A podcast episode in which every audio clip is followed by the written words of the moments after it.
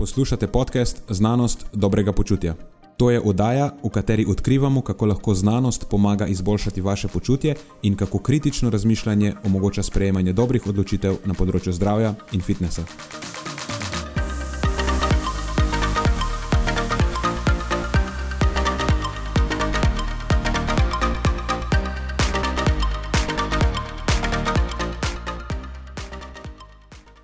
Preden začnemo, pa se moram zahvaliti še našim sponzorjem.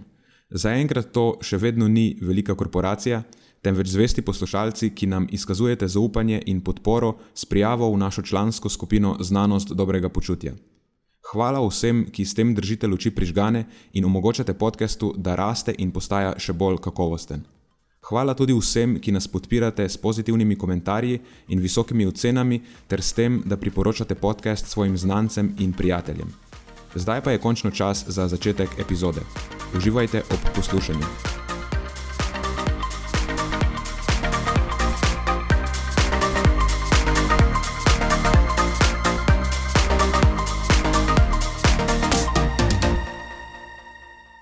Torej, Svetovna zdravstvena organizacija v novih priporočilih oziroma smernicah, so temu rekli, svetuje izogibanje nekaloričnim sladilom oziroma celo svari pred uporabo nekaloričnih sladil.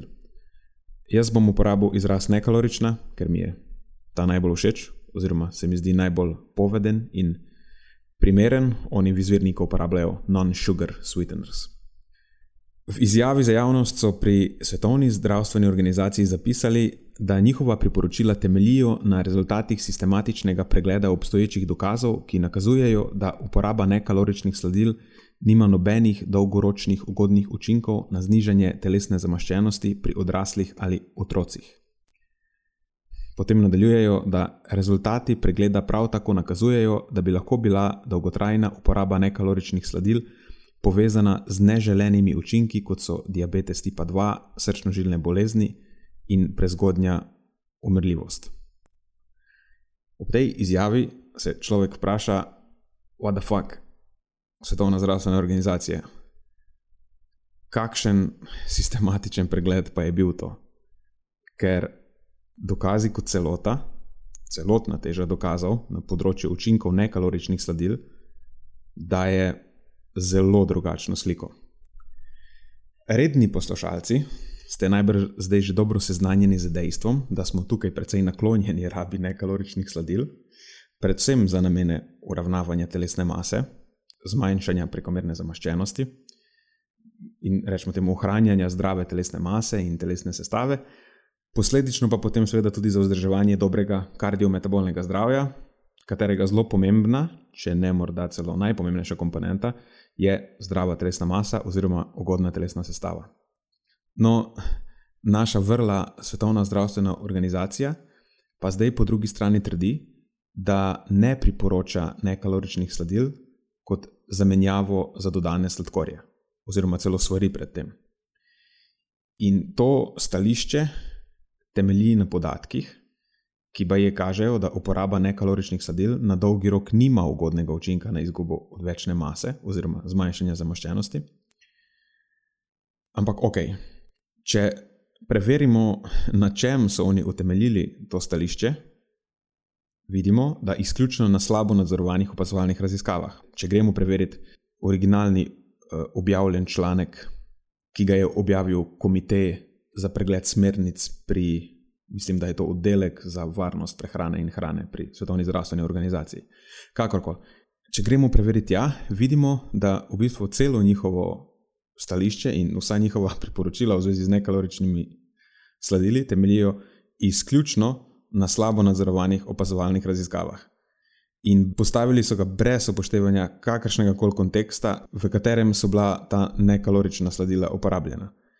Mislim, po teh standardih bi potem lahko zaključili tudi, da prehranske prilagoditve ali pa vadba na dolgi rok nimajo ugodnega učinka na izgubo odvečne telesne mase ali pa na zmanjšanje zamaščenosti. Ker večina ljudi enostavno ne ustraja pri intervenciji, kakršna koli je intervencija, ali so to nekalorična sledila, ali je to neka, rečemo temu, dieta, ali je to neka vadba, pač ne ustraja pri tej intervenciji več kot nekaj tednov, mogoče mesecev. Ali pa, če so prepuščeni sami sebi, intervencije že v startu ne izvajajo primerno. In seveda, uporaba nekaloričnih sladil sama po sebi ne bo imela učinka na, na telesno maso, če nižji vnos na račun znižanja vnosa sladkorjev zaradi uporabe nekaloričnih sladil nadoknadiš z nečim drugim. Nekalorična sladila so pač urodje, ki je učinkovito, če je uporabljeno za namen znižanja vnosa energije v kontekstu energijsko nadzorovane prehrane. Enako kot vse ostale intervencije za ta namen, bodi si prehranske prilagoditve, po domače diete, recimo, ali vadba.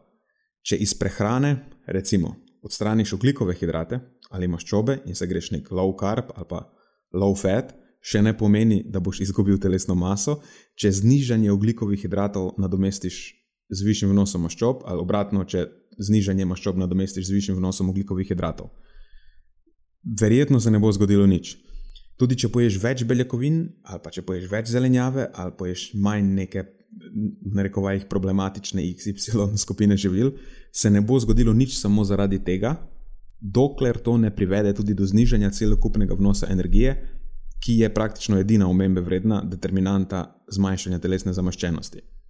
Tudi če iz prehrane izključiš vse vire dodanih sladkorjev, ali pa eh, vsa visoko procesirana živila, ne boš izgubljal maščobe, če namesto tega pač poješ energijsko enakovredno več kao zdravih živil. Pa so lahko stročnice, lahko je to krompir, lahko je pusto meso, lahko so ribe, lahko je karkoli drugega. Karkoli v prehrani spremenjaš, bo imelo signifikanten vpliv na telesno maso samo in edino, če privede tudi do sprememb v celokupnem vnosu energije. In enako velja za vadbo. Lahko vadiš nekaj ur vsak dan, ne boš izgubil nobene, nobene obembe vredne količine maščobe, če vso z vadbo porabljeno energijo nadomestiš z višjim vnosom energije v prehrani. In večinoma v raziskavah vidimo, da ne glede na to, katero metodo znižanja energije intervencija uporabi, lahko so to nekalorična sladila, lahko pa je tudi neka dieta ali pa vadbeni režim, lahko ljudje pri nižjem energijskem vnosu ustrajajo zgolj omejen čas potem pa sčasoma sodelovalno začne upadati. In večinoma, potem po začetnem uspehu, tudi če so dosegli precej drastično znižanje, znižanje telesne mase, lahko tudi 5 do 10 kg, kar se včasih zgodi, če je intervencija zelo um, signifikantna. Potem, ko doslednost upoštevanja te intervencije začne upadati, in če posebno v kasnejših fazah, nekaj mesecev po intervenciji, recimo, ko začnejo udeleženci izgubljati voljo, ali pa se začnejo izgubljati kapacitete za um, kakršno koli obliko, vsaj približno doslednega upoštevanja intervencije, s katero so ta rezultat dosegli. Včasih se celo zgodi, da jih potem po intervenciji pač spustijo, da naj delajo, kar hočejo, kar je wow, je super recept. V glavnem, v teh primerih se potem večinoma pokaže trend naraščanja njihove telesne mase proti izhodiščni telesni masi. Ponavadi se zgodi, da v roku 6 do 12 mesecev po prenehanju izvajanja intervencije večina udeležencev pač pristane tam, kjer je začela. In to je klasičen jojo učinek. Tudi klasičen, ker je povsem pričakovan. Ker intervencija deluje samo, dokler jo dosledno upoštevaš. In večina intervencij, še posebej v raziskavah, je precej, rečemo temu, nečloveških boljši izraz bi bil mogoče neprilagojenih posameznikov, in normalno je, da jih bodo ti posamezniki slej ali prej nehali izvajati. In na takih dokazih tudi temelji tista trditev, da diete ne delujejo. Ja, neprimerno zastavljene diete ne delujejo. Diete, ki jih ljudje ne morejo upoštevati, ne, deluje, ne delujejo. Oziroma, delujejo prvih par tednov, potem pa gremo trend navzgor in nazaj tam, kjer si začel. Ampak to ni dokaz, da diete ne delujejo. To je samo dokaz, da neprimerne diete ne delujejo. A pa tiste diete, ki jih ljudje pač izvajo samo zelo omejen čas, ne delujejo. In enako se zgodi tudi pri nekaloričnih sladilih. Tudi če ljudje na začetku z uvedbo nekaloričnih sladil in idealno potem z dodatnimi spremljajočimi prilagoditvami prehrane dejansko zgubijo precej odvečne telesne mase, se ponavadi po nekaj mesecih začne dogajati, da počasi kompenzatorno povečujejo svoj energijski vnos, in čez nekaj mesecev se zgodi, da pač ves manjko, ki so ga ustvarili z nekaloričnimi sladili, v narekovajih prinesejo notri. Ni da nekalorična sladila ne delujejo, ampak nekalorična sladila sama po sebi niso dovolj. Če to, kar si zmanjšal na račun nekaloričnih sladil, pač prineseš notri z vem, eh, več krompirja ob zrezku, nisi naredil ničesar. In to se ponavadi zgodi. Enako kot nisi naredil ničesar, če po eni uri eh, teka ali pa dvigovanja uteži, pač vedno popiješ nek eh, ekstra dekadenten, kao beljakovinski, ugljikohidratni smudi za hashtag regeneracijo. Ker se zdaj si vado eno uro, ne? zdaj pa to lahko, ali pa celo to, pred, ali pa celo to potrebuješ. In ja, lahko in z vidika ohranjanja energijskega ravnovesja je to zelo, zelo verjetno kul. Cool. Ampak, če je tvoj cilj izguba telesne mase, potem spet. Nisi naredil ničesar, če prineseš notri. In spet, enako, v raziskavah, kjer ljudje z vadbeno intervencijo v začetku izgubijo nekaj kilogramov, se ponavadi pokaže v obdobju nekaj mesecev po intervenciji trend ponovnega pridobivanja telesne mase proti izhodiščni masi, torej vračanje tja, kjer so začeli. Ker ljudje pač kompenzatorno povečajo energijski vnos s prehrano. Pogosto se to lahko zgodi nezavedno, mislim, še posebej takrat, če niso bili ustrezno podučeni, kako neke rezultate ohranjati ali kako se zavarovati pred tem nezavednim um, kompenzatornim povečanjem energijskega vnosa. In zdaj na tej podlagi, kaj bomo rekli, da prehrana in vadba ne delujeta. Tako kot nekalorična sladila ne delujejo, ker v večini raziskav nimajo dolgoročnega vpliva na znižanje telesne zamaščenosti. Ker po intervenciji, po nekaj mesecih, pač imajo ljudje enako telesno maso. In bomo vse to odsvetovali. Nekalorična sladila, prehrano in vadbo. Ne spremenjati prehrane, ne vaditi, ker boš čez par mesecev itak vse pridobil nazaj in to kažejo hashtag raziskave. to, to ja, sliši se neumno, ker, ker je neumno. Pač to so rezultati iz raziskav, kjer intervencija traja ali pa je dosledno upoštevana zelo omejen čas. V teh raziskavah ljudje sodelujejo omejen čas in ponavadi imajo te raziskave tako že v štartu precejšen usip, slabo sodelovalnost in ta usip se s časom povečuje, oziroma sodelovalnost s časoma še opada. In potem, ko se raziskava konča, ponavadi večina udeležencev, tudi če jih spremljajo na dolgi rok, ampak ne ustrajajo pri tem, da je intervencija dosledno izvajana še naprej, jih samo spremljajo, da vidijo, kaj se zgodi nekaj mesecev po intervenciji, se pač pokaže, da ljudje grejo nazaj početi tisto, kar so počeli prej.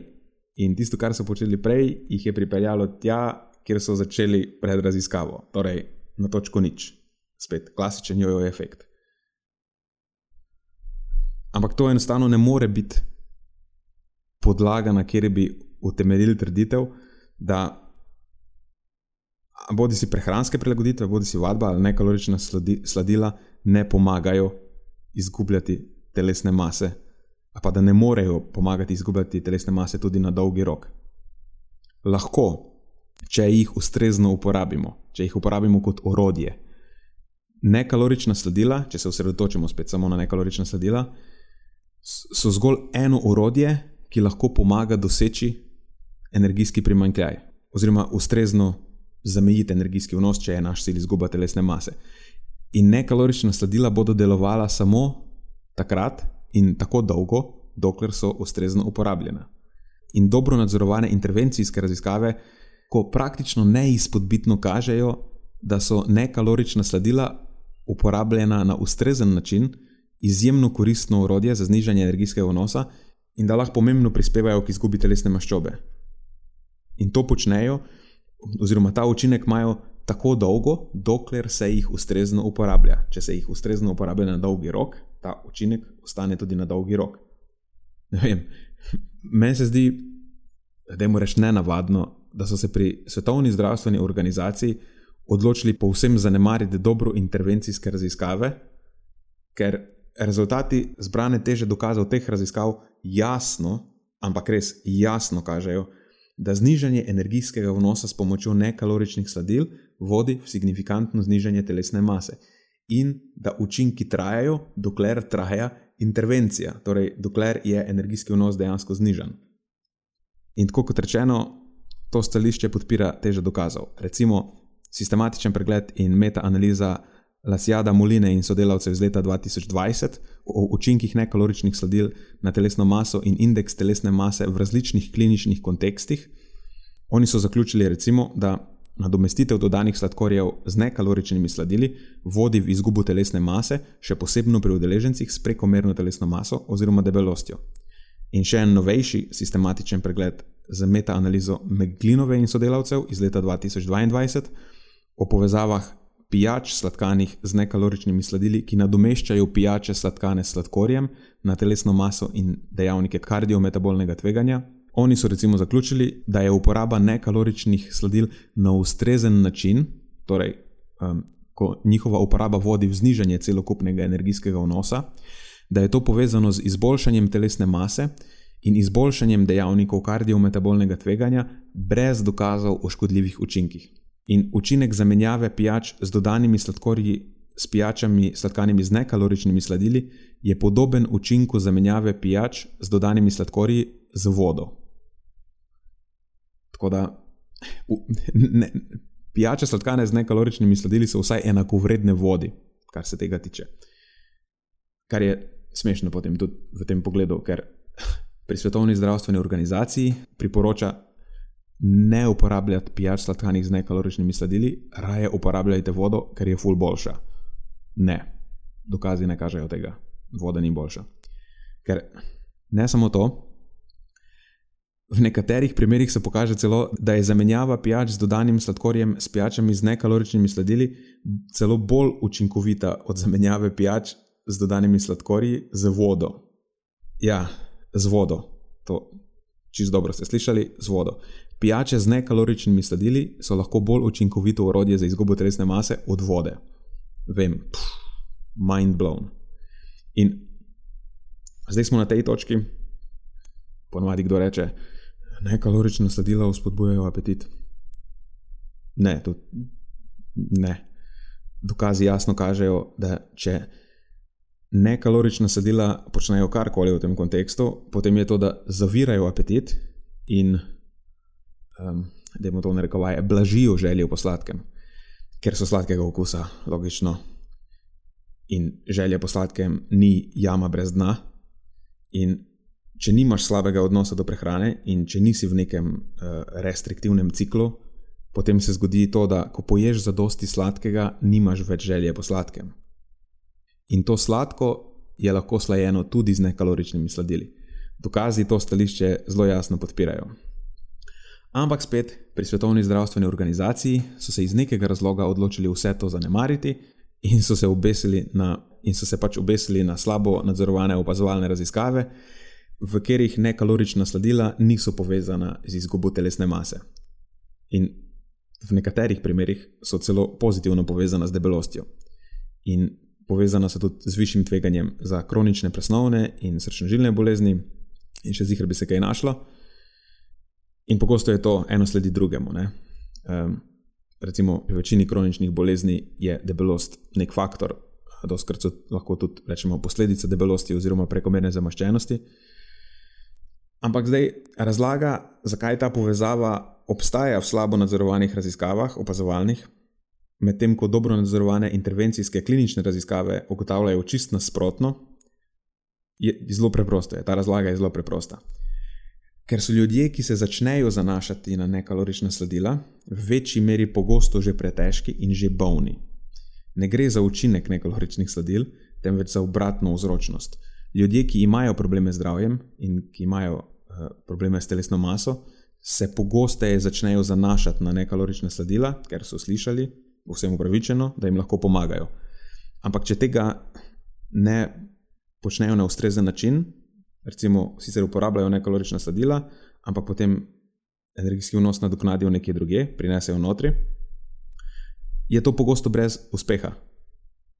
In pogosto se zgodi, da ja, ljudje se začnejo zanašati na nekalorična sladila, ampak ker tega ne počnejo na pravi način, nekalorična sladila nimajo želenega učinka. Pač to delajo na pamet in tega ne delajo v kontekstu energijsko nadzorovane prehrane.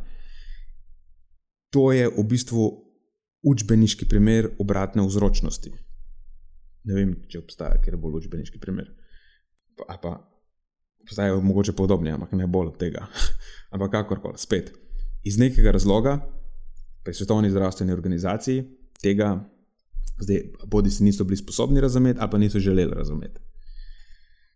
In naslednja stvar, ki se nekako navezuje iz tega, eh, kar se tiče potencialnih neželenih zdravstvenih učinkov nekaloričnih sladil, je zadeva podobno smešna. Izjava Svetovne zdravstvene organizacije umenja, v rekovajih, možne neželene posledice. Kakšne možne? Ker povezave nekaloričnih sladil z zdravstvenimi izidi, to se vlači po zobeh že zadnjih nekaj desetletij. In nikjer ni niti ene najmanjše indikacije, na podlagi kere bi lahko naredili primer, da je dolgotrajna izpostavljenost nekaloričnim sladilom v priporočenih odmerkih povezana s čemerkoli škodljivim. Pa je lahko srčno-žilno zdravje, presnovno zdravje, sposobnost uravnavanja sladkorja v krvi, um, pa lahko uporabimo kot buzzword, občutljivost na izolin, vpliv na mikrobioto, rak, karkoli. Nič, nula, zero. Vsakič, ko se pojavi kakršna koli povezava, ponovadi je to neka marginalna povezava, torej vsakič, ko se pojavi neka taka povezava, nekaloričnih sledil z neugodnimi zdravstvenimi izidi, je vedno pojasnjiva za nič, za, za nič zasnovo raziskave. Nikoli ne gre za dejanski učinek nekaloričnih sledil, ampak je zaznan učinek problem metodologije. Še vsakič je bilo tako.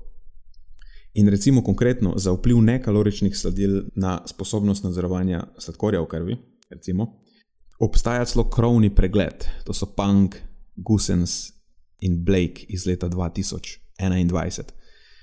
Ta krovni pregled vključuje 20 metaanaliz randomiziranih kliničnih raziskav, ki so raziskovale uh, učinke najrazličnejših nekaloričnih sladil na najrazličnejše dejavnike homeostaze glukoze.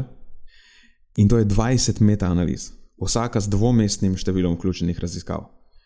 Tako ta seznam vseh vključenih raziskav v tem članku je tako dolg, da ta razpredelnica v članku rab, prak, rabi praktično celo svoje poglavje.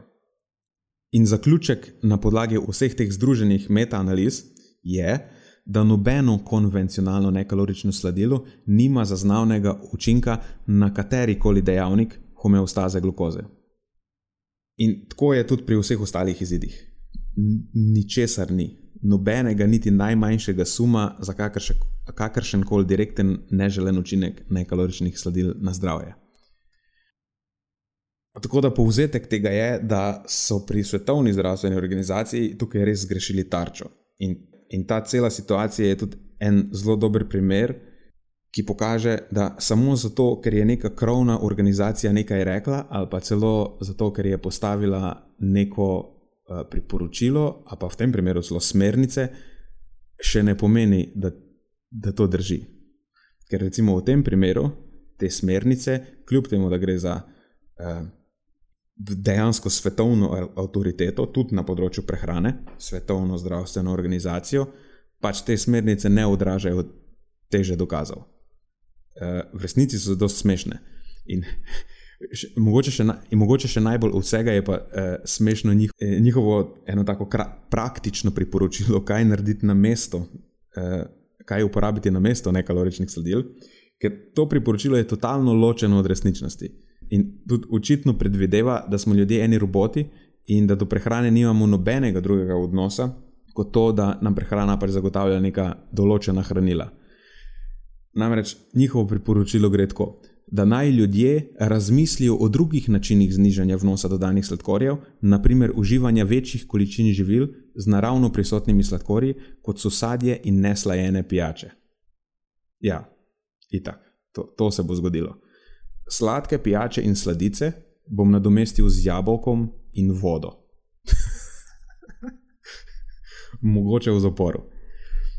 Ne vem, no, meni se to zdi, to je drek smešno. Ne. Svojo sladico bom osladil z nekaloričnimi sladili in pot, potem zraven popil svoj Pepsi Max. In čisto enako bom še naprej priporočal svojim varovancem, ker pa ne samo zato, ker dokazi to podpirajo, ampak ker tudi v praksi vidim, da vsakič deluje in da vsakič doseže želen učinek.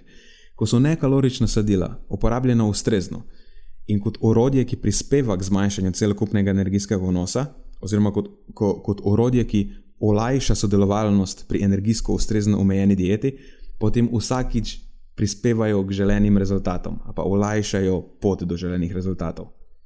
In to brez kakršnih koli neugodnih učinkov. Tako da, hvala lepa, ampak Svetovna zdravstvena organizacija ne hvala.